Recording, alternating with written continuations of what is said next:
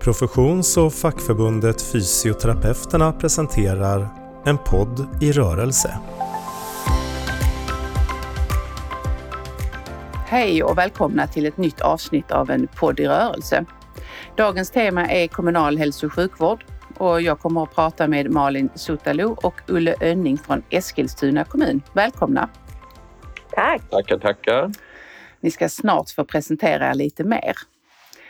Eh, det pratas ju om en omställning till nära vård och det pågår mycket arbete inom både kommuner och regioner för att skapa förändring.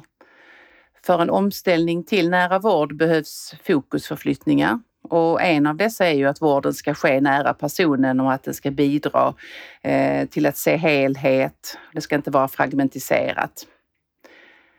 Det finns många fysioterapeuter som arbetar inom kommunal hälso och sjukvård och som dagligen gör ett viktigt arbete där för att bidra till att de patienter som de möter får tillgång till rehabilitering och att kunna leva sina liv så som de vill i så stor utsträckning som möjligt. Och just rehabilitering och kanske mer specifikt intensiv hemrehabilitering är det som vi ska prata om idag. Så återigen välkomna Malin och Ulle. Eh, Malin, du kanske ville börja med att presentera dig lite kort? Det kan jag göra. Eh, jag... Eh, ja, var ska jag börja någonstans? jag började eh, jobba som enhetschef på intensiv hemrehabilitering i augusti 2020. Så det är inte så väldigt länge jag har varit i verksamheten. Egentligen. Min bakgrund är att eh, jobbat som chef och ledare i ganska många år, både inom regional, inom region, för detta landstinget. Då. Jag har en profession som barnmorska i botten. Eh, och eh, ganska tidigt eh, i min yrkeskarriär så klev jag över på lite grann på det här med ledarskap och chefskap, tyckte det var intressant. Och det som attraherade mig väldigt mycket när jag sökte det här jobbet på intensiv hemrehabilitering, det var just att det var det här teamorienterade arbetssättet och teamorienterade ledningen och den strukturen och organisationen som jag tyckte väldigt mycket om eh, och ville jobba vidare med. Då. Mm. Mm, vi kommer att prata mer om det. Och vi har ju mm. träffats tidigare Malin, men Ulle, vi har inte träffats, så vem är du? Ja men precis. Även jag arbetar som fysioterapeut i hemsjukvården i intensiv hemrehabilitering och jag tog examen 2016 eh, och jag har arbetat mestadels inom Eskilstuna kommun och eh, de senaste två åren eh, inom intensiv hemrehabilitering. Så genom det här arbetssättet så får jag möjlighet att träffa ja, patienter som, som det går väldigt bra för över tid och vi gör det på ett, ett väldigt professionellt och eh, uppstyrt sätt. Eh, så det är väldigt roligt att jobba inom. Ja, vad skoj att höra.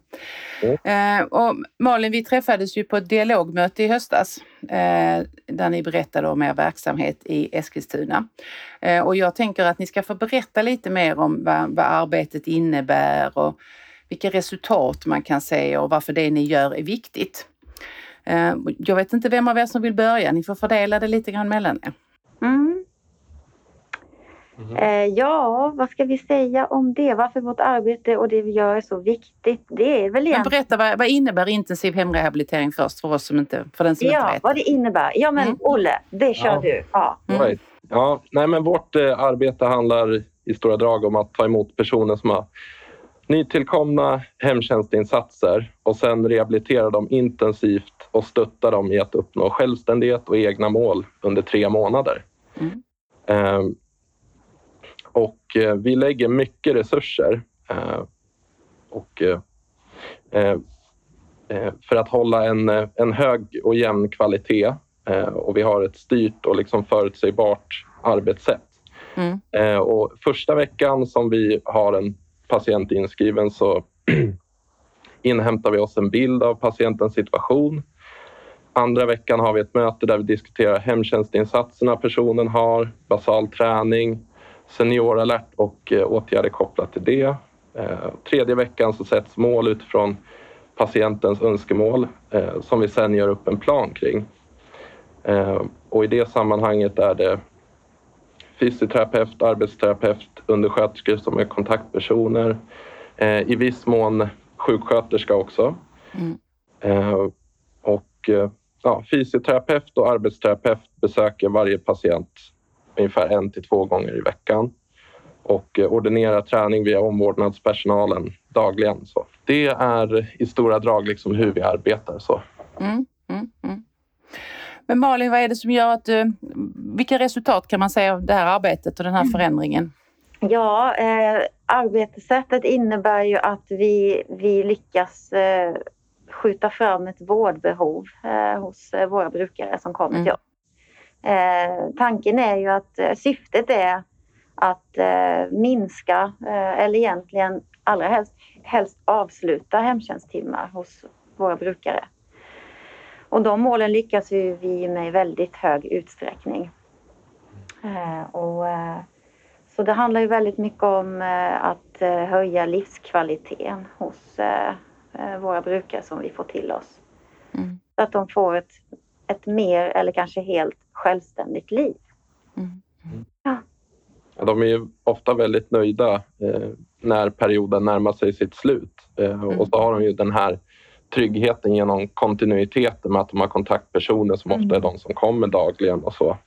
Och de uppnår ju oftast eh, målen också. Sådär. Mm. Mm. Sen skulle jag vilja också skjuta in i det här, i den här just utifrån våra resultat.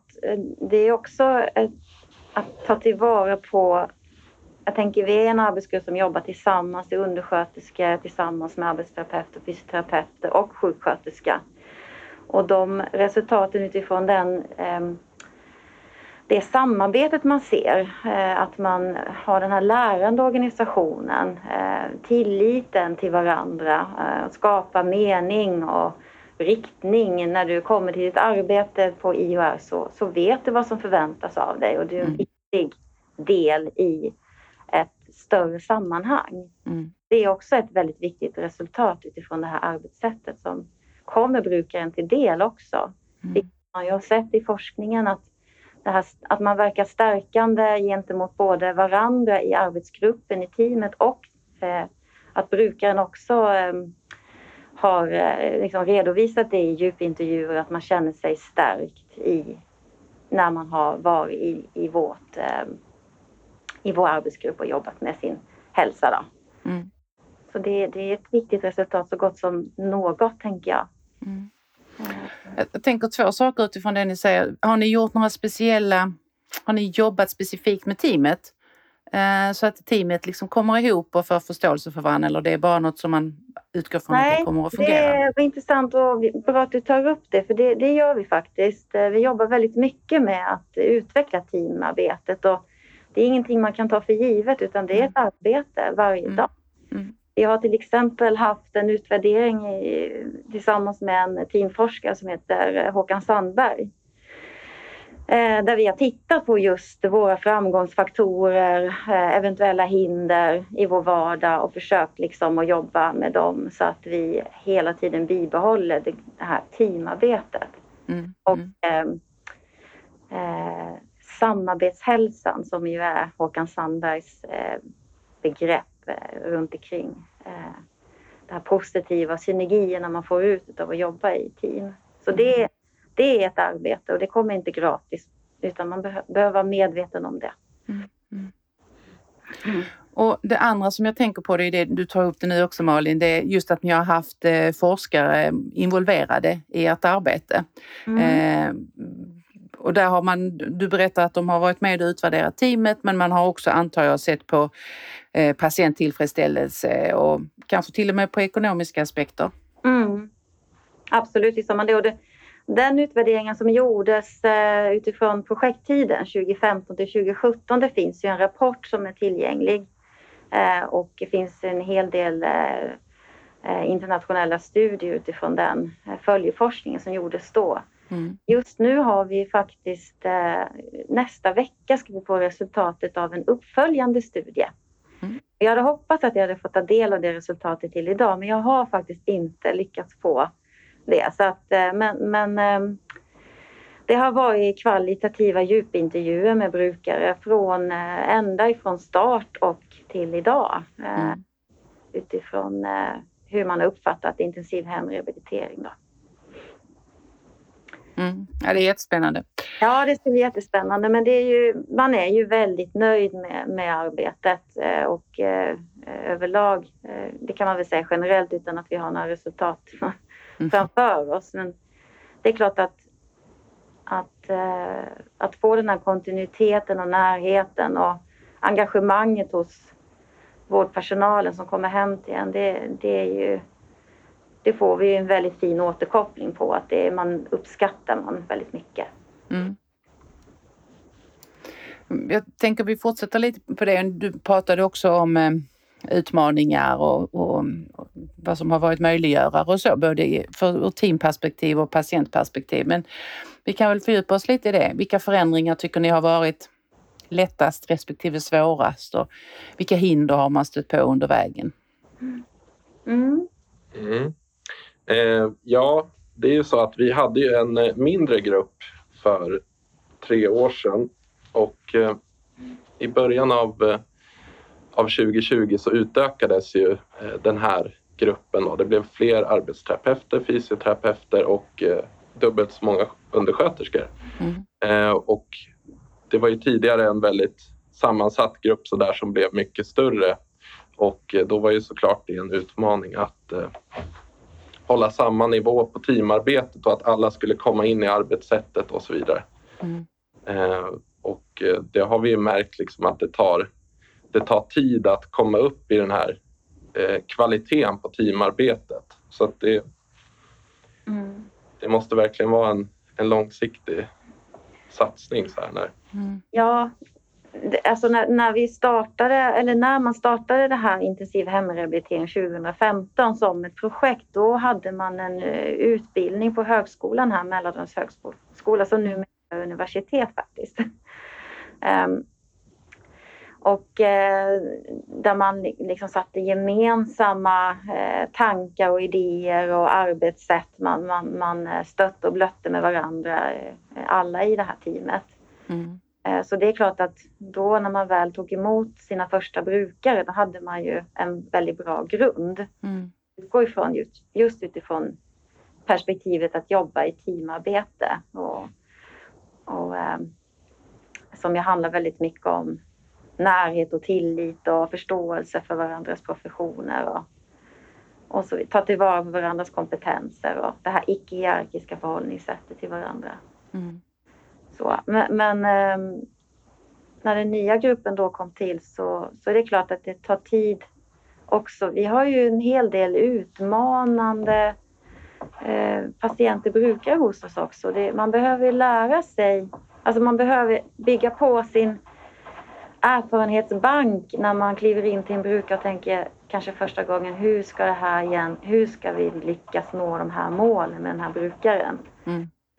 Um, det behöver man bygga upp både för sig själv och tillsammans i teamet med andra. Att, att eh, vi oftast lyckas och eh, med mycket arbete så, så når vi målen. Och då blir man ju modigare med tiden också. Mm, mm. Och man har, får en större tilltro och tillit till varandra i, i det här teamet. Och mm. Där tänker jag att tillsammans, tillsammans i teamet blir en väldigt viktig faktor. Mm. För om jag kommer in som, som ny fysioterapeut i ett sådant sammanhang så känns det ju tryggt för mig att antingen kunna förlita mig på en kollega som har varit med mer eller en annan mm. profession som har mm. varit med och mm. som vet att det här faktiskt funkar. Ja. Så det här med att ge tid på att vinna tid, det gäller liksom eh, generellt kan man säga i, på intensiv hemrehabilitering att man måste ge varandra tid också för att vinna tid. Mm. Man måste ge varandra tid att komma in i arbetssättet och man måste ge varandra tid att känna tillit och förtroende till varandra för att vinna tid. Och nästa brukare som är lite mer utmanande, då, då vet man vad, vad, man, vad man kan. Mm, mm. Precis. Mm. Jag funderar lite grann på den här, för ni var ju ett projekt från början och nu är det en permanent verksamhet, det stämmer va? Mm, det stämmer. Ja. Hur var den eh, övergången? Var det svårt? Alltså, eh, nej, alltså, vi var ju inte i med då, jag och Olle. Eh, det här var ju redan 2020, eh, eller vad säger okay. 20, ah, nej, 2018 jo. Ja. I mars 2018 blev projektet permanent, alltså det var ganska många år innan. Mm. Eh, så jag har inte... Det var, eh, jag kan inte riktigt redogöra för om det var någon speciell övergång eh, faktiskt. Nej. Det Nej. jag vet är att eh, politikerna var ju väldigt nöjda med verksamheten. Om man permanentade den ju tidigare än vad som var tänkt och man såg så goda resultat Ja, okej. Mm. och så. Ja, det är ju ett gott resultat som något liksom. Att man Mm, precis. skyndar på processen och bara det att det blir en permanent verksamhet. För det kan jag tycka Ja. är lite bekymmersamt ibland. Mm. Att det finns projektmedel och att eh, det är Ja. tidsbegränsade åtgärder och Mm. tidsgränset. Så. Mm. Mm. Ni har pratat lite grann om det här med kontinuitet för patienten och att de känner sig trygga. Eh, vad tänker ni mer i arbetet är liksom bidrar till patientens eh, brukaren att de känner sig nöjda? Eh, nej, men det är väl att vi har samma bild. Vi kommunicerar i princip dagligen så vi har samma bild av vart patienten är på väg. Vi förstår den situation. Eh, alla insatta liksom, som har att göra med patienten och engagerade i att eh, eh, rehabilitera. Så. Mm. Engagerade, intresserade, insatta. Så. Mm. Ja. Jag pratade lite grann i början om eh, omställningen till nära vård, men jag är lite nyfiken på vad, när jag säger nära vård. Va? tänker att det kanske betyder lite olika saker för er. Men vad, vad tänker du Olle när jag säger nära vård? Eh, ja, då tänker jag att, eh, att det finns personal i närheten som kan ge eh, den hjälp som en person behöver och kan de inte det så är steget till, till den eh, vårdinstans som är rätt nära. Liksom. Att, eh, till exempel att eh, eh, omvårdnadspersonalen ändå är ögon och, ögon och öron utåt hos patienten och kan se dess behov och leda den rätt. Det kanske behövs en, en extra uppföljning hos ortopeden på en höft till exempel. Mm. Det kan vara att någon andas extra tungt och då uppmärksammar man det och ja, att, eh, att eh, det är som eh, vårdens tentakler liksom når ut i hemmet. Mm. Mm. Vad tänker du Malin? nära vården. Jag tänker att en nära vård är att få vardagen att funka helt enkelt. Och nu har jag, det är en av mina undersköterskor som har sagt det till mig en gång när jag frågade vad är intensiv hemrehabilitering? Att få vardagen att funka helt enkelt med situationstecken, för det är inte alltid så enkelt. Ehm, och eh, det tänker jag. Och sen eh, eftersom jag hade fått frågan här lite på förhand så gjorde jag en snabb Google-sökning också på vad nära vård är för någonting. Och jag tycker att Mm. jag har bekräftat att det är faktiskt det det handlar om. För man säger ju att det handlar om hälsa. Och eh, att, eh, att ändra perspektivet lite grann på eh, vård och omsorgsbehov och utgå ifrån personen. Och eh, det handlar ju om att se det friska i varje möte med individen. Så, Mm. så att eh, jag skulle säga att, eh, att det handlar väldigt mycket om att få den här vardagen att fungera för var och en. Där den personen, dens behov liksom, hur den personens behov ser ut just nu. Mm. Mm. Ja, jätteintressant.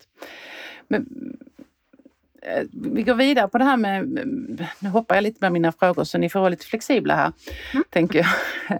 För en annan del i fokusförflyttningen till nära vård är ju just samverkan.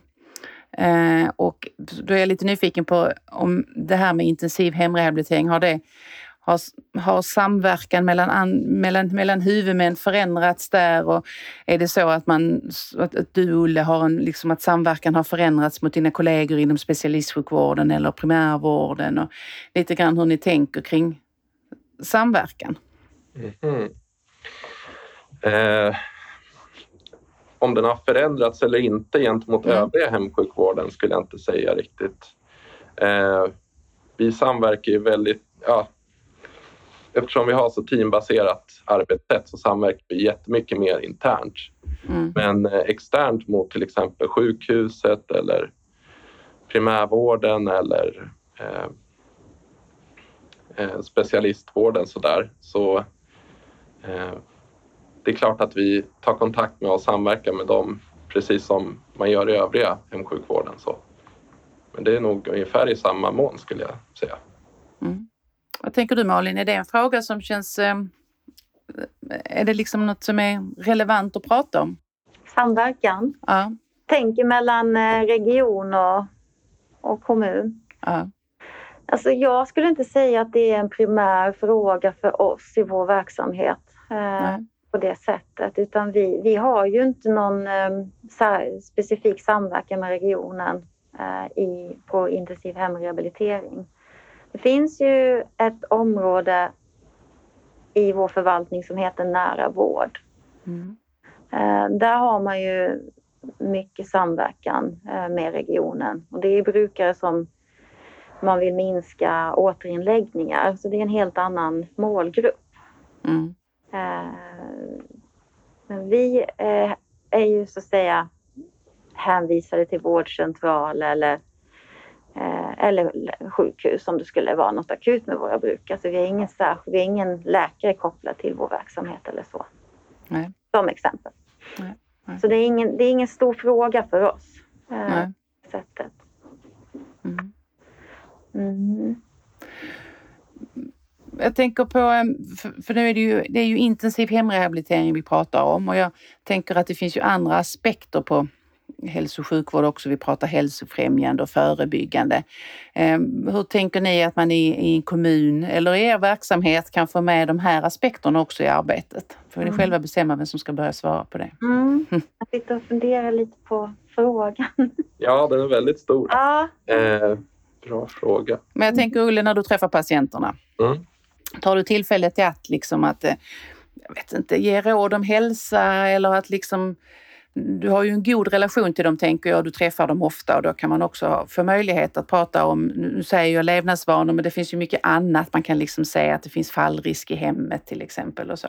Mm. Ja, jo, precis, det gör vi ju mm. eh, mycket och eh, eh man får ju in en hel del information eh, genom Senior alert till exempel. Ja. Och åtgärderna som man sätter in där. Eh, så absolut. Mm.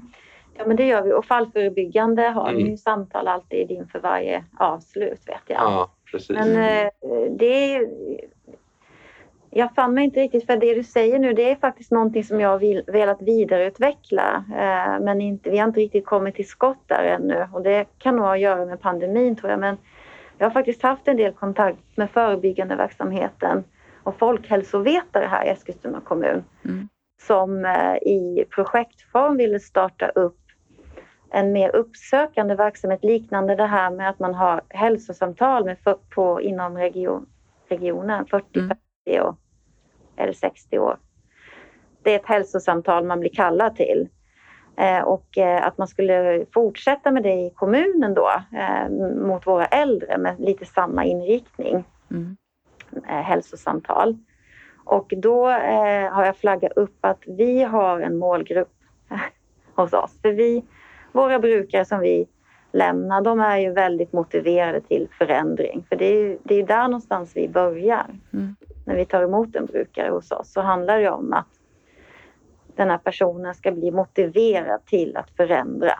Mm. Eh, vi tar även emot en hel del brukare nu från ordinärt boende som har varit och haft hemtjänst under många år. Så vi har vidgat målgruppen från att egentligen bara ta emot brukare från sjukhus som första gången får ett biståndsbeslut mm. om personlig vård till att också bred, gör, ha ett bredare upptag. Så. Mm. Och ehm, eh, då, då gäller det ju att man får den här personen motiverad till förändring. Så. Mm. Det, är ju, det är en viktig fråga du tar upp och jag ska mm. komma ihåg den när jag tar upp det igen. Mm. Ja, bra. Ja. Jag tänker också att det finns ett, det finns ett förebyggande perspektiv att, att ni inte vill träffa patienten igen, tänker jag också. Ja. ja. För, för, ni tränar ju upp dem och så ska de klara sig utan hemtjänst, klara sig själv mm. och då mm. vill man ju helst inte att man Mm. hamnar på sjukhus igen av Nej. Samma anledning eller någon annan anledning. Det är Ja, jätteintressant och det är ju lite grann det här som vi har arbetat ihop och fått att funka så väldigt bra. Det är ju att se det här friska Mm. varje gång. Mm. Vi möter en brukare så, så ser vi inte hindren utan man ser alltid möjligheterna och det är ju det är ett nytt sätt att se lite grann på behov av vård och Mm. omvårdnad. Mm. Att Precis. omvårdnad liksom inte bara handlar om att ge någon hjälp utan det är ett mycket vidare begrepp som handlar om att se Mm. snarare än vad, vad du klarar själv. Mm. Ja, och sen det är klart att den här gruppen går ju till stor del ut på att eh, minska hemtjänsttimmar och så där och jobba bort omsorgsinsatser. Så. Mm. Eh, Men sen så de eh, insatserna som eh, arbetsterapeut och fysioterapeut eh, sätter in det baseras ju på vad eh, patienten har för mål. Så vi är ju verkligen måna om att det, målen är viktiga, känns relevanta och viktiga för patienten. Mm. Mm. Så det är ju det är centralt så. Vi sätter alltid mål. Eh, och då är det viktigt att de känns Helt utifrån Relevanta och så. brukaren Ja, själv precis. har formulerat målen. Ja, exakt. Så att man inte hittar på egna. Eh, Precis. Vi kan ju inte komma in och eh, säga att det här borde du bli bättre på och eh, det här ska, Mm. ska vi jobba med utan Mm. då får vi inte med oss särskilt många mm, Så, mm, utan deras egna, egna motivation och vad som är viktigt för dem och sådär. Mm. Mm. Men om vi nu liksom försöker... Du pratar ju här Malin om att du har tankar om att, eh, ett, ett annat projekt kan jag väl säga då när det gäller Mm. förebyggande och så. Men om vi, om vi pratar om intensiv hemrehab eller något annat arbete som är på gång. Hur, vad tänker ni liksom, hur ser ni framtiden? Hur kommer ni utveckla det här som ni arbetar med? Ja, alltså vi, det, det som vi behöver utveckla det är att bli lite mer, det är ingen, jag vet inte, kanske inte utveckling, men det är att bli mer eh, synlig i vår egen kommun. Faktiskt. Och knyta till oss brukare som eh, skulle kunna förändra sin, sin vardag med hjälp av våra insatser. Mm. Så det, är- det är ju en, det är en utmaning vi har framför oss Mm. som vi behöver eh, få till. Mm. Ehm, ja, sen är, det handlar väldigt mycket om att eh, bibehålla det här arbetssättet och det här konceptet i, i en föränderlig värld, det skulle jag kanske snarare säga. Mm. Att eh, vi, vi jobbar så mycket med förändring med våra brukare så vi behöver värna om att bibehålla oss själva och det här teamarbetet i en värld där man kanske inte alltid ser att teamarbetet är liksom det viktigaste utan man organiserar verksamheten i olika eh, rör och så att vi liksom står stadigt i det och inte Mm. påverkas.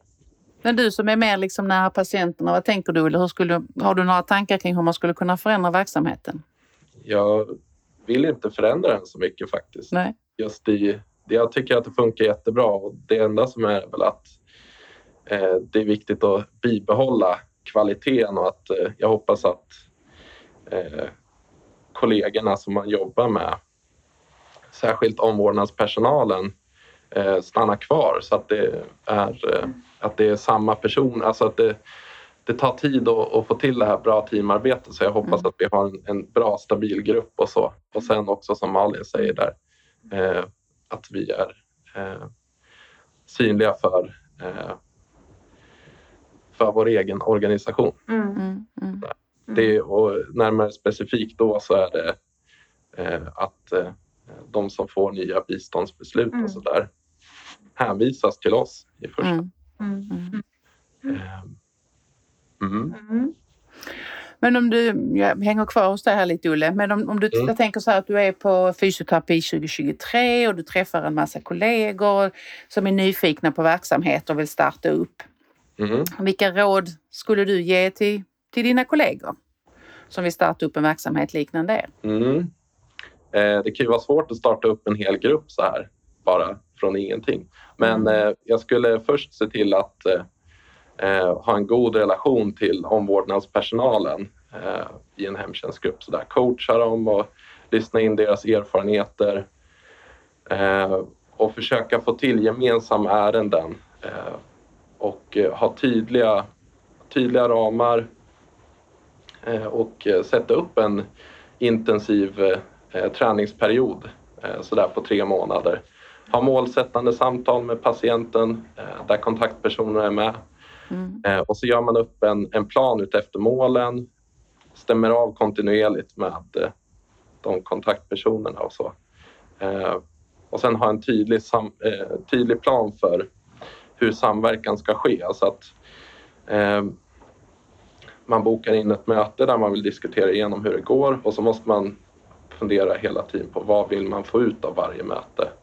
Mm. Eh, och sen har man bra exempel på sådana ärenden så kan man ju dela med sig till eh, kollegor och chefen eh, och så kanske mer resurser kan läggas på det arbetssättet.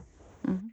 Och sen också jätteviktigt det här med att biståndshandläggare också. Att biståndshandläggare kan flagga för arbetsterapeut och fysioterapeut när det kommer nya biståndsbeslut sådär. Mm. För någon som inte haft det tidigare. Det är ett naturligt sätt att, att, att lägga in en sån period. Då. Så att skaffa ett bra samarbete med biståndshandläggargruppen. Mm. Jättebra råd. Malin, du mm. liknande story, men du är på något chefsmöte med massa kollegor från andra kommuner. Eh, vad skulle du ge dem för råd om de vill starta upp en verksamhet som mm. liknar er? Ja, åh. Att jag inte förstod att den frågan skulle komma. Den har jag fått några gånger faktiskt. Vi har ju pratat mycket med andra kommuner. Det är många som är intresserade av vår verksamhet. Ja. Nej, men jag, jag brukar prata om att det är viktigt att man eh, verkligen värna om att lite grann det som du var inne på Olle, att skapa det här teamet. Alltså det är nästan en grundförutsättning för det här arbetssättet. Eller det är nästan, det är det. Mm. Du behöver liksom ha en, en bra känsla i gruppen. Eh, man känner varandra, man, man tycker om varandra, man vill jobba tillsammans och få det här engagemanget och känna att man är en del, en viktig del i ett, i ett arbete med ett ganska högt tempo och högt driv i. Eh, så så det, det är det viktigaste jag skulle vilja skicka med. Mm, mm. Eh, att man skapar förutsättningar att ta tillvara på varandras kompetenser i det här arbetslaget som ska jobba med de här frågorna. Då, de här mm, mm. Jag tänker att det behöver ju ha varit en framgångsfaktor för er att ni har mm. jobbat så tydligt med teamet. Mm. Och sen att det finns en önskan eh, från chefshåll att man ska arbeta med den här verksamheten. Att det, har ju bidragit till att ni är där ni är idag, tänker jag. Mm. Jag tror man måste ha mycket utrymme att prata, ha mycket dialog eh, för att förstå också det här med... Man pratar ju mycket om att tydlig målsättning är en viktig förutsättning för allt mm. arbete. Och, och eh, här får du ju det i, eftersom du ofta har brukaren med dig så centralt i, mm. i det målsättande samtalet, eller alltid har du brukaren. Mm. Så att, um, att tänka att det ska vara konkreta, bra mål uh, och att du har ett bra team runt omkring där du känner att ni jobbar mot samma sak och vill samma saker. Ni känner varandra, ni gillar att jobba ihop. Så. Mm. Skapa de förutsättningarna behöver mm. göra. Mm. mm. Och det låter ju onekligen som att man får en bättre arbetsmiljö då också. Det får man. Vilket ju är mm. ett, eh, annars en återkommande diskussionspunkt. Mm. Mm. Ja, ja, vi fortsätter lite i framtiden tänker jag. Om vi nu liksom kanske lyfter blicken lite och pratar kommunal hälso och sjukvård sådär generellt och lite övergripande. Vilka, vilka möjligheter ser ni för den kommunala hälso och sjukvården i framtiden? Mm. Ja, vad säger du Olle? Ja, eh, ju fler äldre vi får i befolkningen desto mer går det liksom att skapa såna här grupper som har specifika roller och så. Tänker mm. Ju, ju, större urval desto lättare blir det att eh, skapa eh, såna här grupper som intensiv hemrehabilitering och nära vård och sådär. Mm. Om det är ett sånt specifikt syfte och så. Eh, och eh, ja, det gäller egentligen så här. Det är lättare att skapa ett sånt här, eh, en sån här arbetsgrupp i, i en stor kommun än en liten. Eh, det är samma princip där. Vi, mm. vi får fler äldre och mm. Eh, mm. ja. Mm. Så det, jag tror att det kommer kunna skapas många bra grupper och projekt av olika slag i framtiden. Mm. Och där tänker jag lite på det du sa innan Malin som jag tror, vi, vi ser ju att vi har en brist på fysioterapeuter inom många kommuner och mm. att det kan vara svårt att rekrytera. Men du sa det så klokt, man måste ge tid för att vinna tid. Mm. Och det är väl det lite grann som jag uppfattar i det du säger också nu, eh, Ulle. Mm. Eh, att eh, hur man eh, att arbeta på det här sättet är ett effektivt sätt att arbeta. Mm. Så det finns liksom finns andra vinster också om man ser på mm. resursmässigt så. Mm. Exakt. Mm. Mm. Vad har du för tankar Malin om framtiden då? Eh, om framtiden för kommunal mm. hälso och sjukvård? Eh, ja. Eh, vad har jag för tankar? Eh, jag har inte tänkt så mycket i det. I det. Alltså, Okej, okay, om jag, så här, nu, nu, nu provtänker jag bara här för första gången om den får, så här, eh, det här med att dela upp eh, kommunal, alltså hälso, vi jobbar ju i, vi ska ju försöka komma bort ifrån de här eh, olika, eh, man pratar om rör liksom, att det, det ska vara mera eh, samverkan och inte i olika organisationsrör. Mm.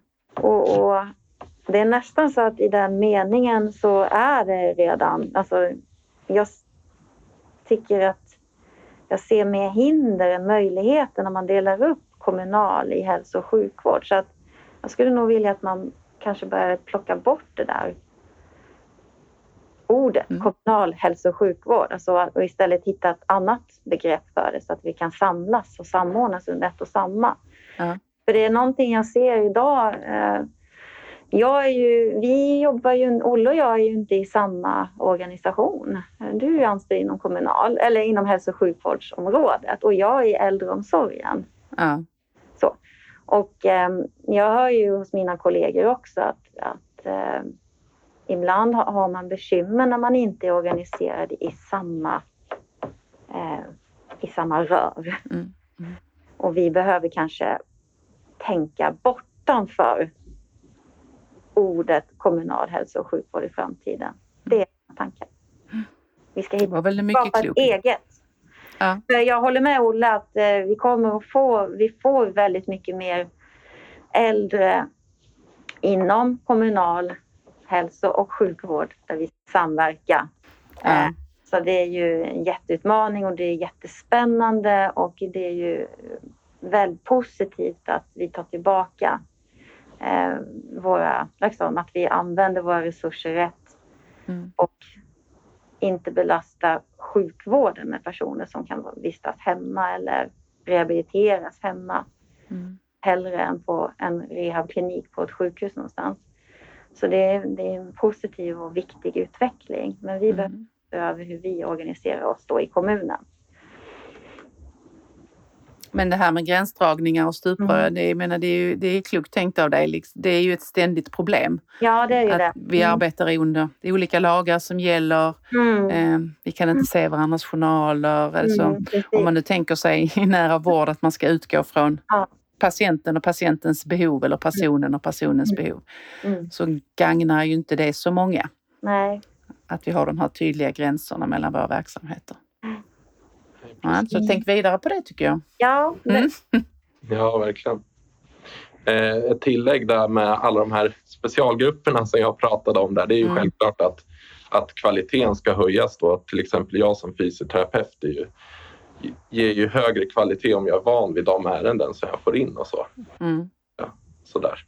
Eh, och annars så, så, kan jag tänka mig att eh, gränsdragningar sådär mot eh, region och så, det kommer nog eh, bli lättare och lättare. Vi har ju det här med att man kan läsa regionens journaler ganska enkelt. Man kan komma, skicka ett meddelande ganska snabbt över diverse program liksom. Så att, Mm. eh, jag tror att det blir ännu mer sånt som kommer förenklas. Mm. Så, jag tror det kommer bli, bli bra. Du tror på en ljus framtid, det tycker jag låter härligt. Ja, Mm. precis. Ehm, ja, det börjar bli dags för oss att avrunda lite grann och vi har ju en sån här fråga som vi alltid brukar ställa i slutet. Eh, och det är ju då om du var statsminister för en dag. Det kanske man inte vill vara idag för hon har ju testat positivt för covid. Nej, menar du det? Ja. Eh, vilka beslut skulle du fatta då för att bidra till ett eh, perspektiv som, nu har jag tagit alla de här orden, hälsofrämjande, förebyggande och rehabiliterande. Ja, vem vill Mm. börja med att vara statsminister?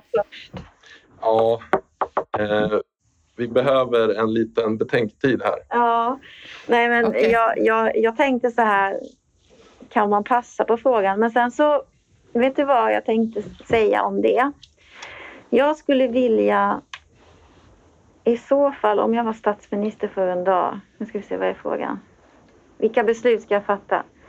Jag skulle fatta beslut om att förbjuda att mäta tid med pengar.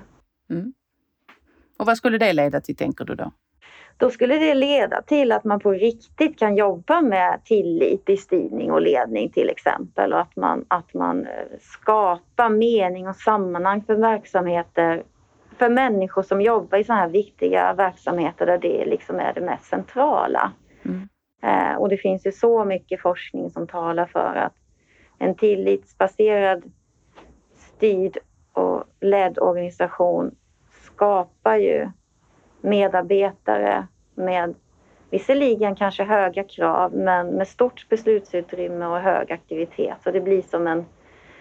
Vi pratade om det förut Olle, du sa, jag minns inte vad du sa, men det blir lite som ett vinnande. Alltså det, det, det är en självgenererande, positiv liksom eh, ett slutet slutet ekosystem Ja. snarare. Det blir ett slutet ekosystem som, som eh, bara går och går. Och det, jag vet att det funkar eftersom jag vet att det fungerar på IHR väldigt bra. Mm. Eh, så att eh, det skulle jag göra. Det var ett klokt beslut. Tack så hemskt mycket båda två för ett jättespännande samtal. Det ska bli, eh, jag ser fram emot att följa er eh, och hoppas verkligen att det är fler kommuner som hoppar på. Jag ser också Mm. fram emot att läsa de eh, forskningsresultaten som kommer alldeles strax vad jag förstår det. Ja, Jajamän, det gör vi med. mm. Tack! tack. Tack så mycket. En podd i rörelse presenterades av Fysioterapeuterna.